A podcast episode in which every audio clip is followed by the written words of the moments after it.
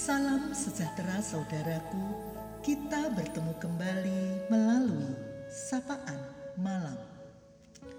Ada berkat Tuhan untuk kita, firman Tuhan yang akan memberi kekuatan. Saudara, tahukah kita bahwa jam kehidupan hanya diputar sekali? Di heningnya malam ini, marilah kita menyediakan diri kita disapa oleh firman Tuhan yang terdapat di dalam kitab Mazmur 90 ayat 12. Ajarlah kami menghitung hari-hari kami sedemikian hingga kami beroleh hati yang bijaksana. Saudara, dalam pendampingan terhadap para pasien di rumah sakit, yakni bagi mereka yang sakit terminal, pernah didapati bahwa mereka merasa menyesal karena tidak menggunakan waktu dengan baik.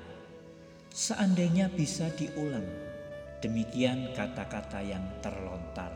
Sebagian besar orang ingin memperbaiki apa yang pernah dilakukan. Ada rasa sesal di hati. Di dalam Mazmur 90 ayat 12 dalam bacaan kita, Musa menuliskan betapa sesungguhnya umat memerlukan hikmat Tuhan untuk dapat memanfaatkan tiap waktu yang diberikan Tuhan. Ajarilah kami menghitung hari-hari kami dan menyadari betapa sedikitnya hari-hari itu. Musa memohon pertolongan Tuhan untuk menjalani hidup sebagaimana seharusnya. Mari kita datang saat ini pada Tuhan dan minta pimpinannya agar dapat memaksimalkan waktu yang Tuhan berikan kepada kita setiap harinya. Mari kita menyadari bahwa waktu itu terbatas.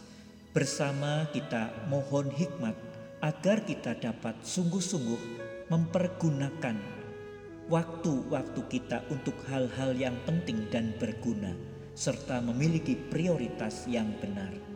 Saat kita mengingat hal-hal ini setiap hari, kiranya kita akan lebih bijak dalam menggunakan waktu yang Tuhan berikan pada kita. Saudara, hari ini Tuhan mengingatkan kita. Mari kita berefleksi sambil merenungkan pertanyaan.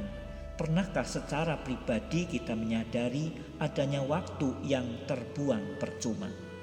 Apakah ada kerinduan untuk melakukan apa yang perlu agar menjadi bijak dalam menggunakan waktu yang telah diberikan oleh Tuhan. Mungkin kita juga perlu menyadari bahwa ada hal-hal yang tidak bisa kembali bila sudah terlepas, yaitu anak panah yang telah dilepaskan dari busurnya, perkataan yang keluar dari mulut kita, dan juga waktu yang telah kita lewati betapa terbatasnya kita. Karena itu sebagaimana firman Tuhan adalah doa atau permohonan. Kita juga mari memohon agar Bapa di sorga menuntun dan membimbing tiap langkah kita setiap hari. Mohon hikmat agar dimampukan untuk menentukan prioritas dan hidup sesuai kehendak Tuhan. Akan baik bila kita membuat daftar harian mengenai apa yang harus kita lakukan hari ini, agar tiap kesempatan dapat kita gunakan dengan baik sesuai dengan kehendak Tuhan.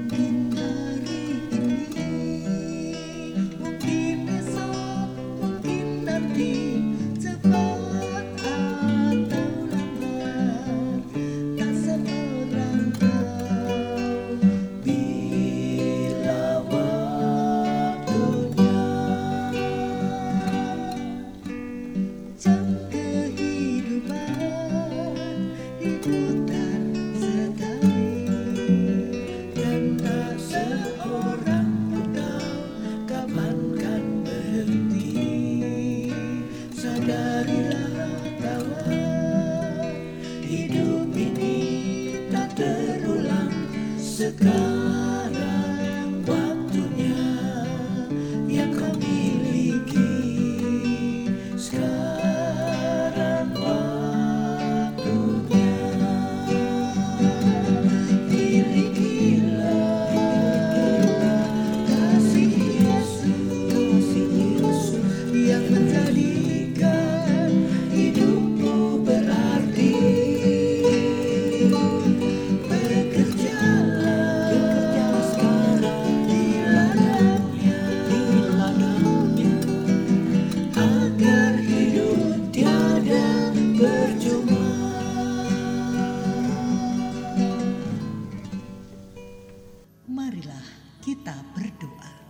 Bapa di sorga, ajarilah kami untuk dapat menggunakan waktu dengan baik.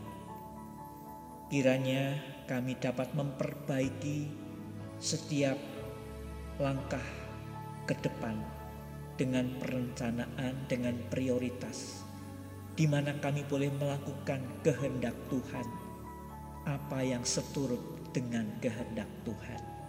Karena itu kami berdoa bagi tiap anggota keluarga kami.